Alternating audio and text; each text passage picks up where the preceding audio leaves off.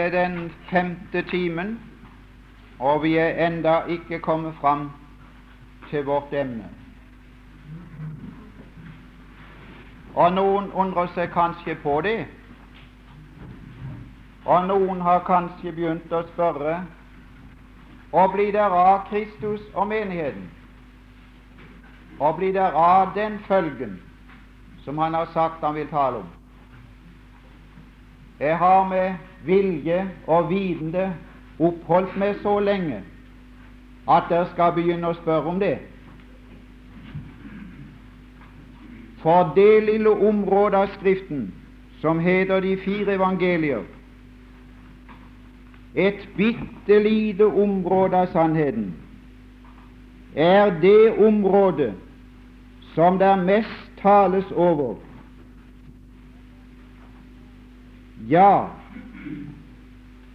alle søndager og alle høytidsdager får sine tekster fra den del av sannheten. Og hvem tales der så til? Der tales til menigheten fra et område i Skriften hvor menigheten ikke finnes. Det er sannheten. Det er sannheten. Der tales til menigheten, jeg sier det om igjen med ettertrykk, der tales til menigheten fra et område der menigheten ikke eksisterer annet enn i to korte profetiske glimt. Ta det med det. Kan vi da vente annet enn de fleste troende ingen anelse har om hva Kristus og menigheten er?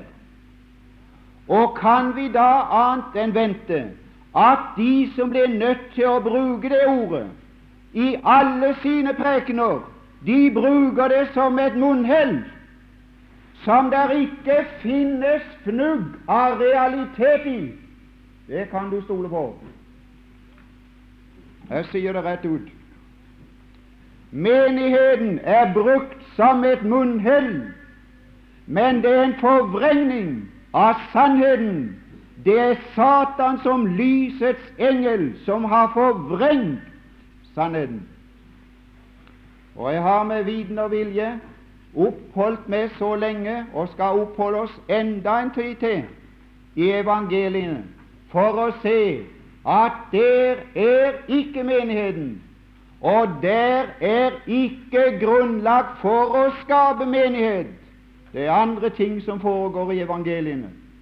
Selv når Jesus var fullendt ved lidelse, var han ikke fullendt for å lage menighet. Det er det som er sannheten.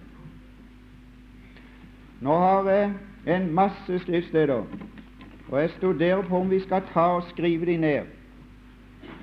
Og så skal dere ikke følge med, for da går jeg så fort igjennom når jeg skal lese de opp.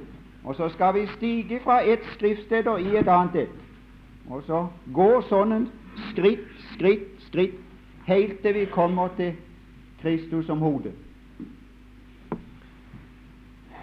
Galaterbrev 4.4. GAL 4,4.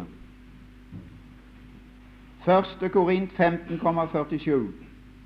1 KOR 15,47. Galaterbrev 4,4 igjen. Lukas LK 2,12. Lukas 2,12. Galaterbrevet 5,3. Romerbrevet 8,3. ROM 8,3. Salme SAL 40,8-9. Lukas LK 2,52. Matteus MT 3,16-17.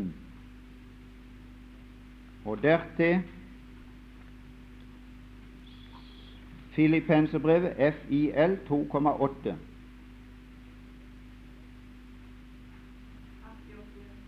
Hva? 2,8.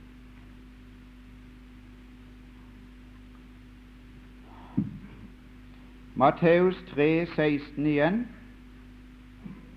Johannes JOH 1,32 33. 1,32 33. 6, altså sjette kapittel, 6,27. Johannes det også. Johannes 6,27. Matteus 3, 17.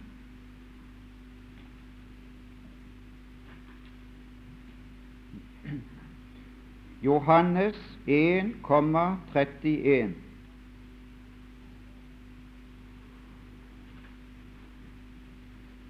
Og, og 42. Det var det. Matteus 2,2.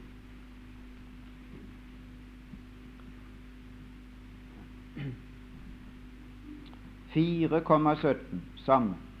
Matteus 4,17.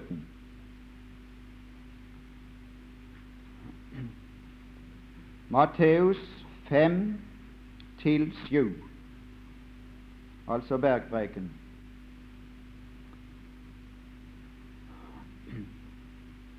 Matteus 4,23 Og dertil Apostelens gjerninger, APG 2,22. Det gjelder Jesus, så kommer disiplene. Ja, gjerninger 2,22. Det var det siste. Så kommer at Jesus forbandt seg med sine disipler i samme tjenesten. Matteus 10,1. Der kan dere lese følgende, setter vi bare der. Det går helt til 14. Så har vi Matteus 16,13.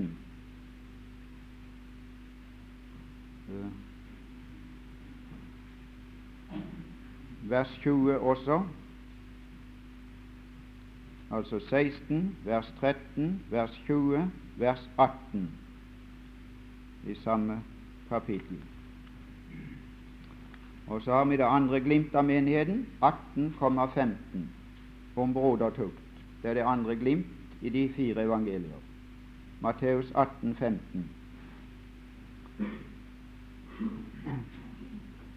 Dermed er det avsnittet vil jeg sette, Dere kunne sette en strek der under, og så skal vi ta videre. Matteus 21, 23. Nå kommer Jesu profetiske virksomhet overfor folket først. Matteus 21,23. Lukas 2,49.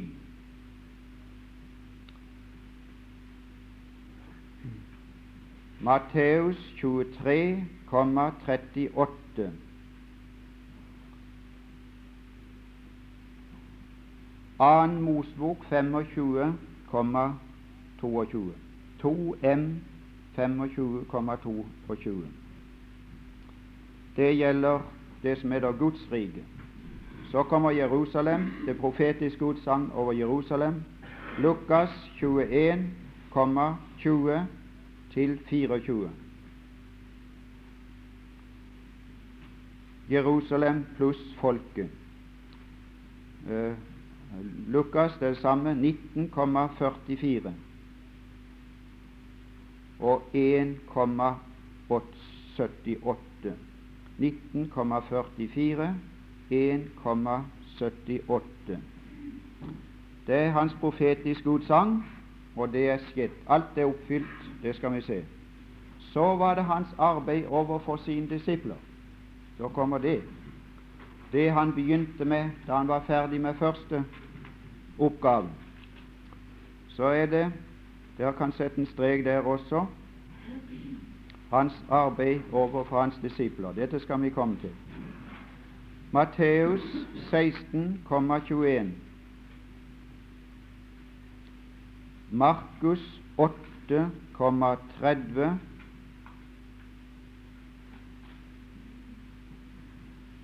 Til 32. 8,30 til 32. Så er det niende kapittel, samme evangeliet, 9,31. Det var om hans død. Så er det Markus igjen, 10,45, karakteren av hans død som en løsepenge. Så er det 14,27, samme evangelium. 14,27 Jeg vil slå hyrden. Der er den guddommelige side av korset. Så hadde vi uh, Lukas 24, 20-21. Der ser vi hvor langt han hadde kommet med disiplene når det gjaldt korset. De forsto ingenting. Så er det et, et annet avsnitt under samme. Han forsøkte de å lære hva oppstandelse var i de fire evangelier. Markus 9, 9-10. Markus 9, 9-10. Himmelfart, Johannes 14, 2-5.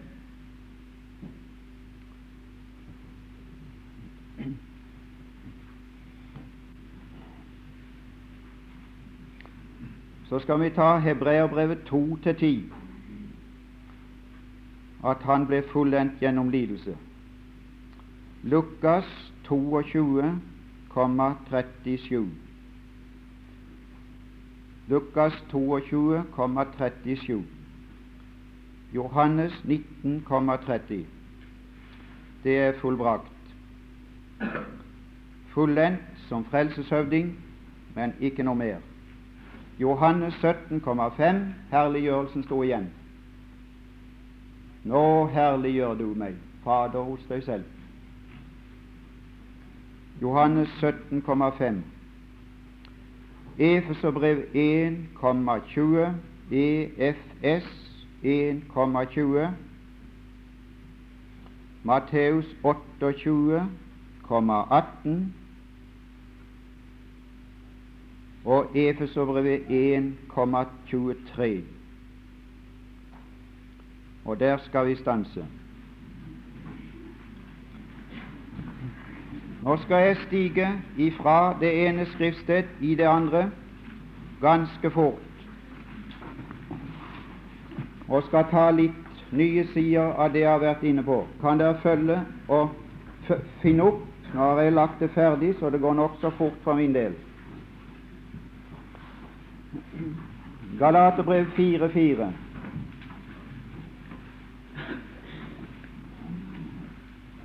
Der leser vi Men da tidens fylde kom, utsendte Gud sin personlige utsending, som det heter fra de store nå i tida. President Johnson sender ut sin personlige utsending, men det er en helt fremmed person som aldri er i slekt med han. Men her står det utsendte Gud sin sønn. Der har du den andre artikkelen. Født av Faderen fra evighet. Født av en kvinne. Der har du Jesu inkarnasjon. Der har du Jesu, eller guddommens, forening med mennesket. Det er bare én måte å komme inn i slekten på. Det er ved fødsel. Det eksisterer ingen annen måte å komme inn i menneskeslekten på enn gjennom mors liv og fødes. Og her kommer han inn i slekten og forener seg med slekten, og kan si da det som jeg er nå, har jeg aldri vært, og det som jeg er nå, kan jeg aldri bli. Det var, men nå er jeg forent med mennesket for tid og evighet. Og det garanterer velsignelse for slekten. En uhyre velsignelse som Adam aldri kunne ha tilført sin slekt. For Adam var et menneske av jorden, karakterisert av det jordiske. Her står det vi får et menneske fra himmelen som er karakterisert av det himmelske, og som blir en annen eller siste Adam, som føder mennesker etter den type, med evner til å romme noe annen velsignelse enn vi har fått gjennom den første Adam selv uten fall. Men så var det litt til. Født av en kvinne, det er mennesket. Og det leste vi i Filippenserbrev 2,8, da han i sin ferd var funnet som et menneske. Det, det hører inn under født under loven. Det svarer til å bli funnet som et menneske. Født under loven. I første del var han uten grenser. Han hørte menneskeslekten til. I det andre lille uttrykket er han født innenfor grenser. Han er født jøde, og han er født under loven. Og han ble omskåren på den åttende dag, ifølge Lukas 2,12. Og Galaterbrevet 5,3 sier at dersom dere lar dere omskjære, er dere skyldig til å holde hele loven. Ved at han ble omskåren på den åttende dag, ble han skyldig til å holde hele loven.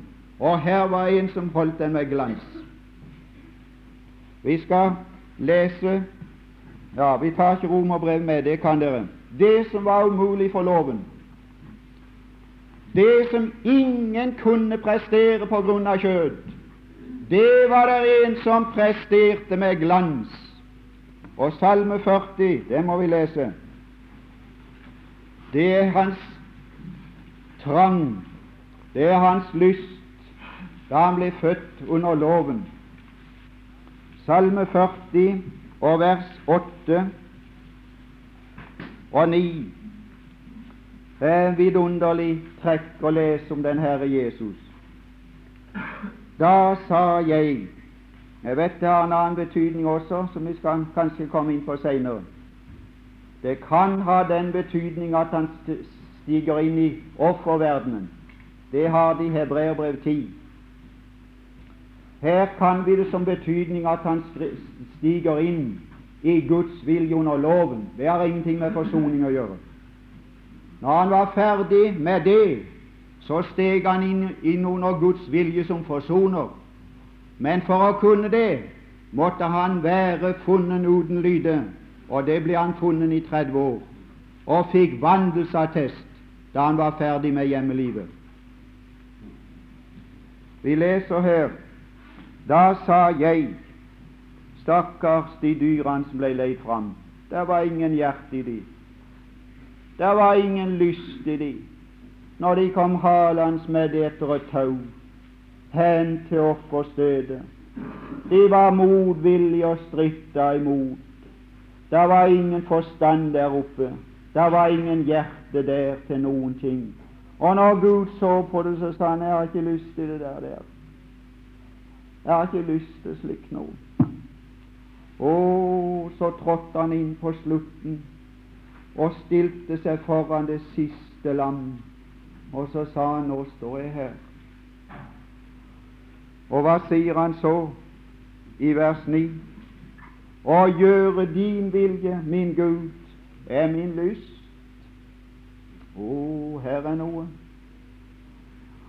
Og din lov er i mitt hjerte. Og så fikk han gjennom 30 år et menneskeliv etter sin lyst og etter sitt velbehag. Og så ble han funnet uten lyde, tolv år gammel som barn. Det er Lukas 2,52. Det er Lukas 2,52 vi har hatt det.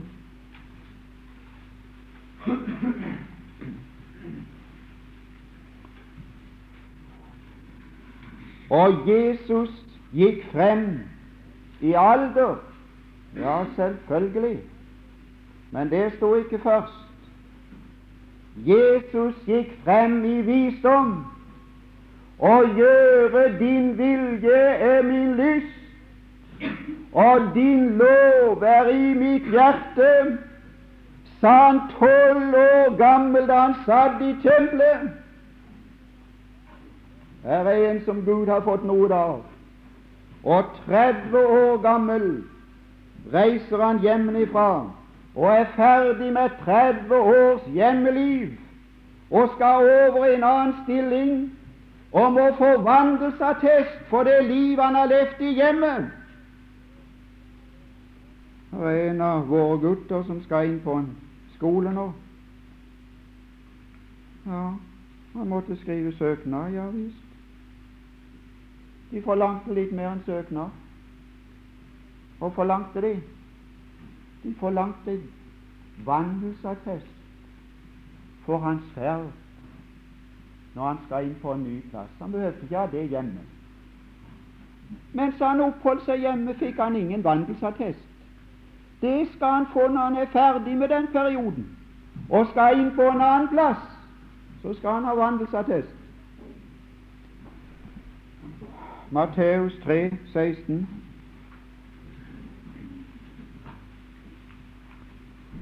Nå er han gått hjemmefra. Nå er han kommet til døperen Johannes. Nå er han 30 år, og 30 år skulle de begynne å tjene, de som hadde med tempel og Gud å gjøre i Israel. Ja, jeg fikk tak i noe der i natt, men det kan jeg ikke ta med. Gad vite det betyr at de skulle være 30 år. Jeg gadd vite om vi praktiserer guddommelige prinsipper når det gjelder å stille seg fram som ledere. Jeg skal vite om de har kvalifikasjoner for å stille seg fram som ledere. De yngre skal underordne seg de eldre, står det i Skriften. Det kan du stole på. Og når Gud vil føre et folk i grøfta, setter han guttekåthet til å styre, sier Skriften.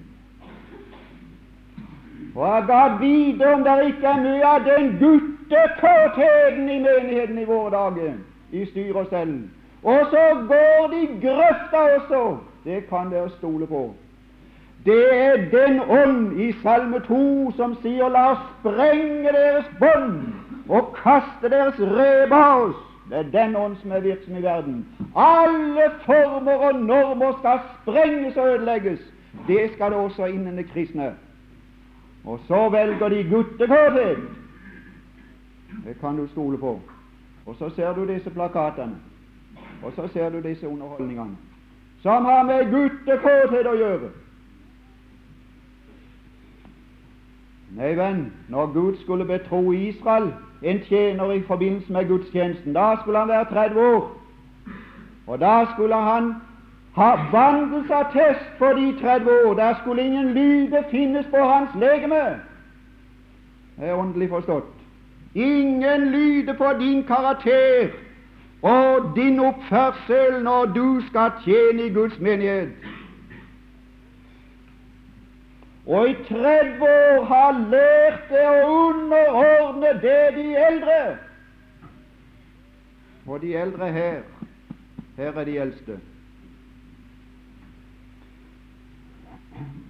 Vers 16, Matteus 13. Men da Jesus var døpt, steg han straks opp av vannet, og se, himmelen åpnet seg for ham, og han så Guds ånd far ned som en due og komme over ham.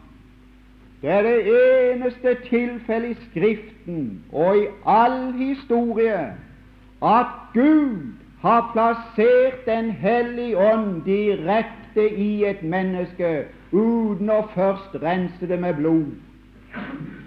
Og med det har Gud satt sitt innseil på det mennesket som ren og som hellig og helt ut fullkommen som menneske. Det er Guds innseil på hans fullkommenhet. Hans vandels fullkommenhet i 30 år, i sin ferd funnet som et menneske og stempla med Guds egen ånd som det fullkomne mennesket. Og så fikk han, som jeg sa her tidligere, ånden en annen gang, på pinsedag. Men da stempla han sine som hørte ham til, med den samme ånd. Men de var først rensa gjennom blod.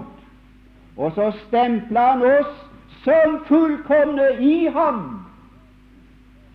Det er andre saker enn å tale om det som noe som har kraft til helliggjørelse, som det gjør. Ånden er ikke gitt i den retning i dette tilfellet. Han fikk ikke bare det stempelet, han fikk også muntlig vandelsattest. Vers 17. Og se, det kom en røst fra himmelen som sa Hør, dette skal bli noe av han. Det skal bli noe av han. Det skal bli noe nå med Jesus. Nå blir det noe av ja, ja, sånn læres det. Når du har fått den opplevelse, så skal det bli noe av det. Ja, ja. Når du blir åndsdøpt, så skal det bli noe av det. Og langt ifra tales ikke om det her. Vet du hva tales om her? Han er. Det er. Det er. Det er vitnesbyrd for det han er. Det er sant. Ja, dette er, dette er min sønn, den elskede, i hvem jeg har velbehag. Her har du det. Der har du vandelsattest for 30 år som undergitt Herrens vilje under loven som menneske. Han tok en slaves skikkelse på seg, og den slaves skikkelse å bringe all inntekt tilbake til sin herre. Han øyer ikke en tråd på sin kropp, det er Herrens alltid, alt det han har ære å ha. Han tok en slaveskikkelse, for han var bare et redskap for en annen. Du kan gå igjen Johans 5 eller Johans, så skal du se. Det var ikke et ord uten han fikk det den veien. Det var ikke en gjerning uten Faderen først hadde vist ham. Brødrene sa til han, dra opp til Jerusalem. Det er ingen som ønsker å gjøre seg kjent og gi seg til hjemme. Så sa han, dra der opp. Dra dere opp. Min tid er ikke kommet ennå. Dere har ingen over dere. Dere kan gå just når dere vil. Dere har ingen herre. Dere er deres egne herrer. Men jeg har en herre over meg, og han må si når jeg skal gå. Og han har ikke sagt jeg skal gå, så går jeg ikke heller. Hvor er du henvendt, og står du hen, sjel? Har du en over deg? Har du en herre? Kan du gjøre som du vil? Kan du si når du tjener pengene det er mine penger, som jeg har hørt en har sagt, så kan jeg bruke de også. Det er ikke dine penger. Min gård hjemme er ikke min gård. De holder på å ta noe ifra meg. Det har vært smertelig å se det. Det er ikke meg de tar noe ifra. De tar det fra Han som eier det, og de får med Han å gjøre i gang. Så kan du la det være. Dette er min sønn, den elskede i hvem jeg har velbehag. Det er sin ferd funnet som et menneske. Og så skulle han over til noe annet. Og skal du hen nå, sier de når en går ut av folkeskolen, og skal du over i noe annet. Ja, nå kan du ikke være hjemme lenger. Nei, nå flyr de fra reie, sier de. Nei, nå blir vi alene igjen hjemme. Du kan ikke alltid være der. Han skulle ikke alltid være der. Han skulle over i noe annet. Han skulle over i en stilling. Han skulle over i et embete. Og så, nå kommer det jeg har vært inne på. Hva var det embetet? Det var et embete som gjaldt Israel alene. Vi skal lese Johannes 1, 31, skal du se.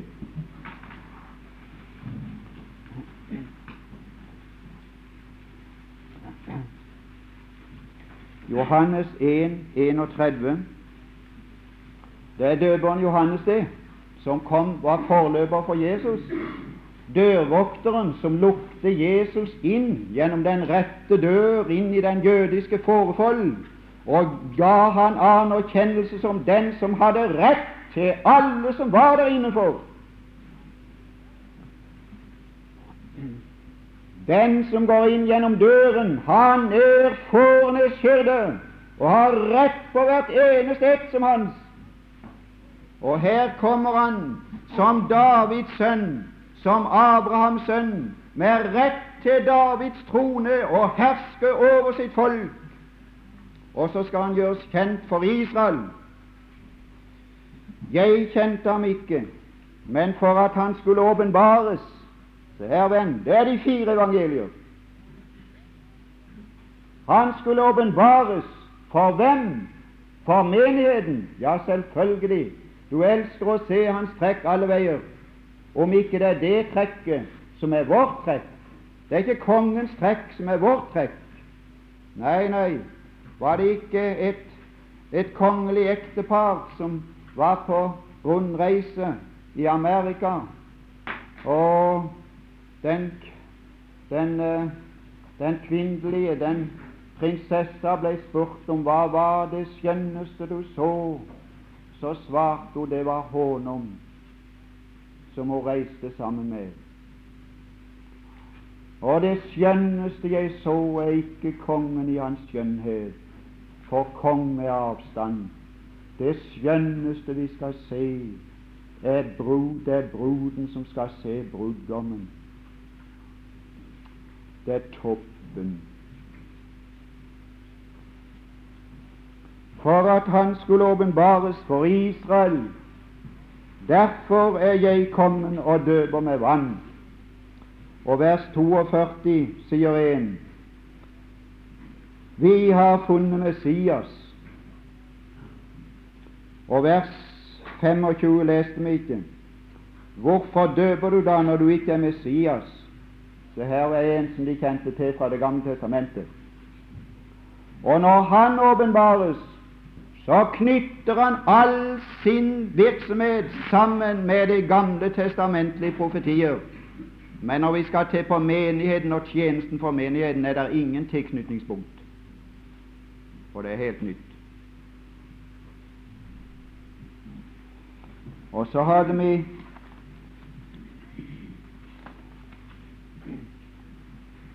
Matteus 2,2. Hvor er den jødernes konge som nå er født? Der. Vi har sett hans stjerne i Østen. Like så sikkert som stjerna står der ute, er der født en konge. Er han ikke kjent?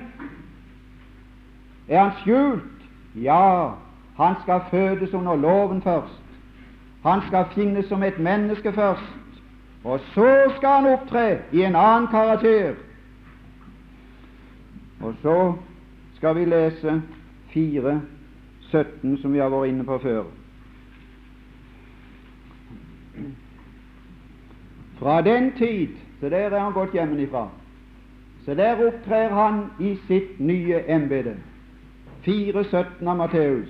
Fra den tid begynte Jesus å forkynne, proklamere innholdet, omvendelse ikke bare inngang i riket tilsynelatende, men gjennom sinnsforandring. For himlenes rike er kommet ned. Det er det som er innholdet av forkynnelsen. Ikke Kristi død, ikke Kristi begravelse, ikke Kristi oppstandelse, ikke Kristi himmelfart, ikke Kristi sete ved Faderens høyre hånd, ikke ti dager i herlighet før han ble gjort til hodet for menigheten, ikke at han fikk Ånden og sendte nedover 120 troende jøder og løfta de opp fra jødedom og inn i menigheten. Ingenting av det var innholdet. Og så har du kraften i vers 23. Her kommer kraftgjerningene inn. Her kommer undergjerningene inn. Her kommer tegnene inn i forbindelse med den tjenesten. Han gikk omkring i hele Galilea, lærte folket Det er folket nå. Det er Israel Forkynte evangeliet om riket pluss. Riket pluss. Pluss. Hva for et pluss? Pluss helbredelse av all sykdom. Det er tusenårsrikets skår.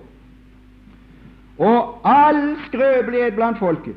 Og ryktet om ham kom ut over hele Syria, og de førte til ham alle, ingen unntakelse. Han hadde all makt til å underlegge seg alle vanskeligheter og svakheter for å føre inn et nytt system. Og så har du loven for riket i kapittel 5, 6 og 7. Og så har du undergjerninger på nytt etterpå, som beviser hva han er. Og så har du eksamen i kapittel 16. Så er folk oppe til eksamen, og på eksamen må du besvare spørsmål. Så kommer du til 16 og vers 13. Så er folk oppe til eksamen. Den jødiske nasjon er oppe til eksamen og får stilt seg ett spørsmål. Hvem, ja, jeg sa i går at Cesarea Filippi det taler om Israels forrige synd. De forkasta Gud som konge, og her har en fremmed konge satt sitt navn på deres by. Og da er det stikk motsatt av hva 5. Mosebok 28 sier, at de skal alltid være ovenpå og aldri under. Her er jødefolket under som bevis på at de har forkasta Gud. Og her kommer Israels nye synd, at de forkaster Sønnen, alle som en. Alle svar var gale. Se nå her. Hvem sier folk at menneskesønnen er? Så kommer svarene. Muntlig svar. Døperen Johannes, det er galt. Elias, det er galt. Jeremias Hvorfor kalte de en sånn? Hvorfor sa de Elias? Å, oh, de hadde sett ham. Å, oh, de hadde sett ham med svever. De hadde sett ham når han gjorde de ut. Så sa de han ligner på Elias. Det er ild fra himmelen. En annen gang da sto han og så på folket. Da rant tårene da ynkedes han inderlig over folket. Så sa de å, det, det er Jeremias. Det er tåreprofeten. Ved sammenligning. Aldri ved erfaring, men ved sammenligning. Eller, som jeg sa i går, i høyden en av profetene. Alle besvarelser gale. Og jeg skal si deg, venn, han tok de aldri opp til å rette dem. Nei. Der setter han punktum. Der setter han punktum for sitt arbeid hittil med folket. Og der setter han punktum for sine disiplers arbeid med folket. Vi skal lese kapittel 10, at han forbandt seg med sine disipler i samme arbeid. Kapittel 10 og vers 1. Matteus det også. Dere har skrevet det ned. Og han kalte sine tolv disipler til seg og ga Se her samme makt. Ser du det? Samme utrustning. Ga dem makt over urene ånder til å drive dem ut og til å helbrede all sykdom og all skrøpelighet. Da slapp vi sovepulver. Ja, jeg våkna ja, nei, jeg tør ikke si Jeg tør aldri si på klokka når jeg våkner, for så våkner jeg på samme tida bestandig. Men jeg så nå på henne en gang i dag når jeg hadde holdt det nokså lenge. Det var jo ti på halv fem. Skrøpelighet. Det hadde vært godt at, at, å leve i den tida når det var makt. Så reiste det. Skrøpelighet. Ja, så står det i vers 5 Disse tolv sendte Jesus ut og bød dem, men en gang så forbød han dem. Ja, ja, her bød han dem. Gå ikke ut på veien til hedningene. Gå ikke inn i noen av samaritanernes byer. Gå til de fortapte får av Israels hus. Vers 9. I skal ikke ta gull eller sølv eller kobber med ederspelter. Jeg sender dere ut som rikets konge. Dere har rett til å få underhold av de der blir sendt til. Å, om vi kunne få tak i disse prinsipper. Det prinsippet som gjaldt for en annen tid, og det prinsippet som gjelder i menighetens tid, når Johannes i tredje brev sier for hans navns skyld dro de ut og hen til hedningene, men de tar ikke noe imot av hedningene. Det er det nye prinsippet. Du kan få Bibelen til å stemme med hvilken lære du vil, bare du passer på å klippe det ut av sammenheng. Ja, ja. Tenk, jeg hørte en bibelskolelærer stå på bedehuset hjemme og si at, at Israel tigde egypterne om penger og gods og klær, og så har vi også rett til det. Jeg spurte bare om de ville lese 3. Johannes brev 5. Jeg tror ikke de forsto det. Det er en annen tid. Det er en annen utsending. Denne her er trukket inn. Denne her hadde ei tid. Så forbød han det. Så sa han slutt med det der. Den tid er forbi. Og så har vi vers 14. Du kan da vel se forskjellen. Om noen ikke tar imot eder og ikke hører på eders ord, da gå ut av det hus eller den by og rist støvet av deres føtter. Du kan dere vel se at det er ikke nådens budbærer som kommer slik. Hold langt ifra. Nå skal vi gå til, til 16 igjen, og så skal vi se at dertil varer denne tjeneste. 16 og vers 20. Se der, her kommer et nytt bud. Ja, ja. Der avløser dette bud det forrige bud i kapittel 10. Da bød han, når han hadde hatt folk opp til eksamen, til avgangseksamen, som aldri kunne tas om igjen. Om de dumpa i alle fag, så kunne de aldri ta det opp igjen.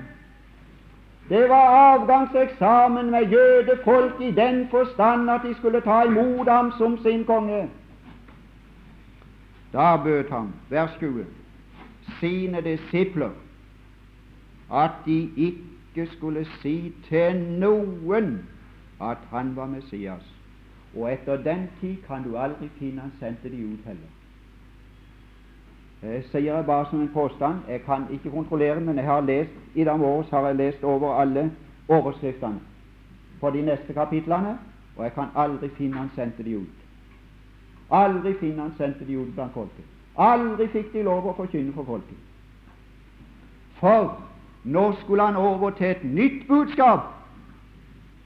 Nå skulle han over til et nytt arbeid, som han gir et lite hint av i vers 18.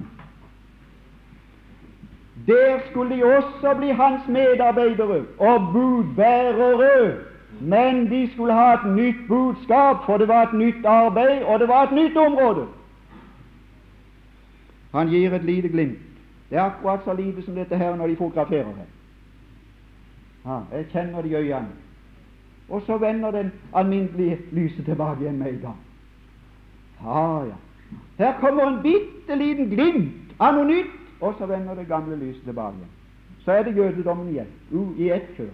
I ett kjør igjen. Her er to glimt. Her er to pærer som springer her. Han kan ikke holde seg. Han kan ikke holde seg. 'Jeg har noe, jeg må ha det ut', sier han. For nå er jeg så nære korset. Nå, nå, nå er jeg just bortimot når, det, når, når, når, grunnlaget skal dannes for det nye. Så sier han 'Og jeg, på denne klippet vil, vil jeg bygge min menighet'. Der har du glimtet. Der har du glimtet. Men så vender det tilbake igjen til, til, til, til et eneste kjør med folk, uavladig omkring han og imot han og strie med de og, og, og, og påstå og la det være, og de trodde ikke. Et, I ett kjør ut gjennom hele veien. Kapittel 18 tar vi ikke ta. Det er det som kalles brodertukt. Det forsto de jo slett ingenting av.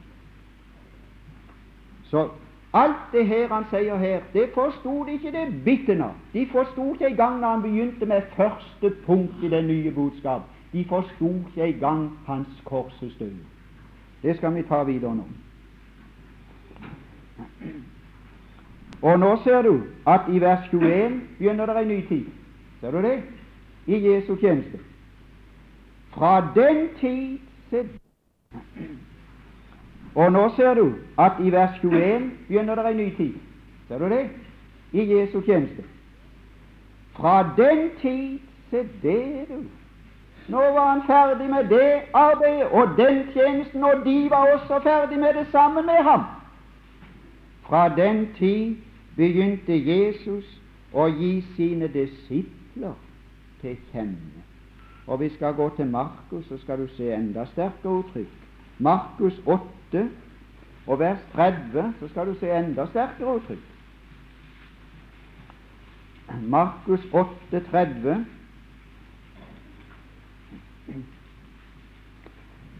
Der har du det samme som vers 20.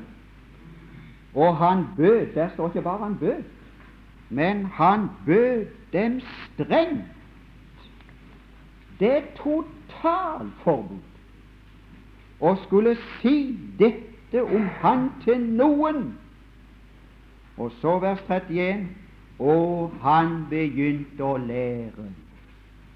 Så tok han de opp i første klasse. For når det du skal til å lære noe, så er det det du kan ikke. Nå skal dere begynne å lære noe som dere ikke kan. Nå skal dere begynne å lære på første punkt i det nye budskap, og det er budskapet om min død. Han skulle lide meget og forkastes Ja, der har du det, forkastelse. Av de eldste og ypperste prestene og de skriftlærde og ihjelslås, og så bitte lite grann om oppstandelse. Men det glemte de ganske vekk. Fiendene huska bedre enn disiplene. De kom til Pilatus og sa vi husker når denne forfører levde. Så snakket han om en tredje dag da han skulle stå opp. Men det hadde disiplene glemt. Ja, ja. Nå så står det i vers 32, så det er en underlig ting. Og han talte rent ut om det. Til det. Vers 31 i neste kapittel. Vers 31. Akkurat samme uttrykket. Ikke forkynne. For han lærte sine disipler og sa til dem Der har jeg sett av korset, rødt kors, i magen, på begge steder. Der er korset, men det er bare den menneskelige siden av korset. Lide av. Gi han et kors, forkastelse. Men var det bare den siden? De kunne ikke engang forstå den siden. Langt mindre forstå Jans side. Når vi skal ta Jans side, kapittel 10, vers 45, der utdyper han korset, det første i det nye budskap, og sier at det blir ikke bare en forkastelse korset kommer til å bety av jødefolket. Hør nå, menneskesønnen er heller ikke kommet for å la seg tjene, men for selv å tjene og gi. Se det. De tok han. Våre ypperste prester, de slo han. Nei, jo, det gjorde de. Å ja, men det var ei ganske annen side. Og hva det? Han ble gitt hen på våre overtredelser. Var Gud med det? Det var just der han var med. Ja, ja. Nå skulle han over som forsoner. Nå skulle han inn i en annen art av Guds vilje, som Hebreerbrev 10 sier. Nå er det ikke arten av Guds vilje under ti bud. Nå er det arten av Guds vilje til en stedfortreder. Se, nå skal han inn i den viljen. Og det var den disiplene skulle inn i, for det var den de skulle forkynne så hedningene kunne bli frelst. Det var det han snakket om i går kveld, Kristi blod. De forsto ingenting av det. Her har du det. Gi! Å, oh, ikke bli tatt. Jo, de tok det. Ja, men det var noe annet. Gi. Gi sitt liv til løse penger for mange. Å, det er en annen karakter at korset Og det siste, det er enda sværere. Der har vi det. I kapittel 14 der har vi korset igjen. Da har du korset igjen i brødsbrytelsen. I vers 22, men vi skal ikke ta det der. Vi skal ta korset i vers 27. Det er det sværeste ord i den hele Skrift. Det er det sværeste ord i den hele Skrift. Da står det I skal alle ta anstøt, for det er skrevet Jeg skal slå hyrden. Hvem er det? Det er Gud, det. Er korsets gåte. Der kommer ingen inn. Da de to var alene i ovnen, da Gud blenda og lot det bli sol formørkelse, og da Faderen og Sønnen, eller dommeren og den dømte, var alene om lidelsen, da sank du i vår jammer ned så dypt som ingen vet. Selv Satan i helvete skal aldri ha evne til å smake den lidelse som Sønnen hadde evne til å smake. Nå er tida gått.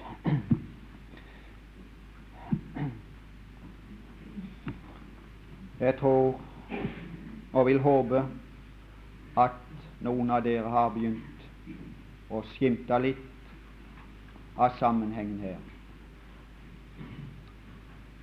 Og se at på dette området finnes ikke alt det som Gud skal forkynne sin menighet.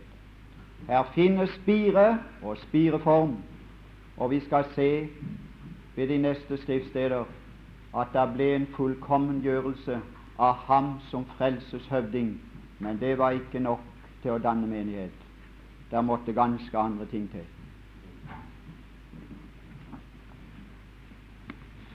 Far i himmelen, vi vil iallfall prøve å takke deg, især for det siste som vi fikk lov å lese men her trekker vi våre sko av og står langt borte. Og du har holdt oss langt borte også, når du sank i vår jammer ned. Og når der står at det behaget Herren å knuse ham, da forstår vi ingenting. Vi har sjelbarn som vi elsker høyere enn oss selv og tenke seg til å knuse en slik. Herre, det vil være verre enn å dø selv. Å, Herre Jesus, må du gjennom dette vinne vårt hjerte for det. Vi elsker fordi du elsket oss først. Og det var den første lærdom du ville gi oss gjennom korset, at så langt gikk du for å vinne oss. Herre Jesus, velsign hver og en her inne. Det er sikkert vanskelig og vondt å følge med for mange. Gjør det så de ikke mister motet. Kan hende det kunne klarne litt etter hvert. Kan hende neste gang at det gikk et lys opp ved din ånds hjelp, og sannheten ble levendegjort. Herre, vil du la det skje. Velsign dagen videre. Takk for været du har gitt i dag. Så godt at det går god anledning å komme fram. Vi vil be for, for alt ditt folk og for alt ditt arbeid som i dag drives til jordens ender. Vi ber i Jesu navn. Amen.